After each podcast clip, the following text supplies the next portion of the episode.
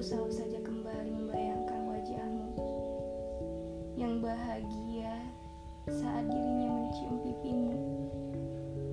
Luka dan kebencian itu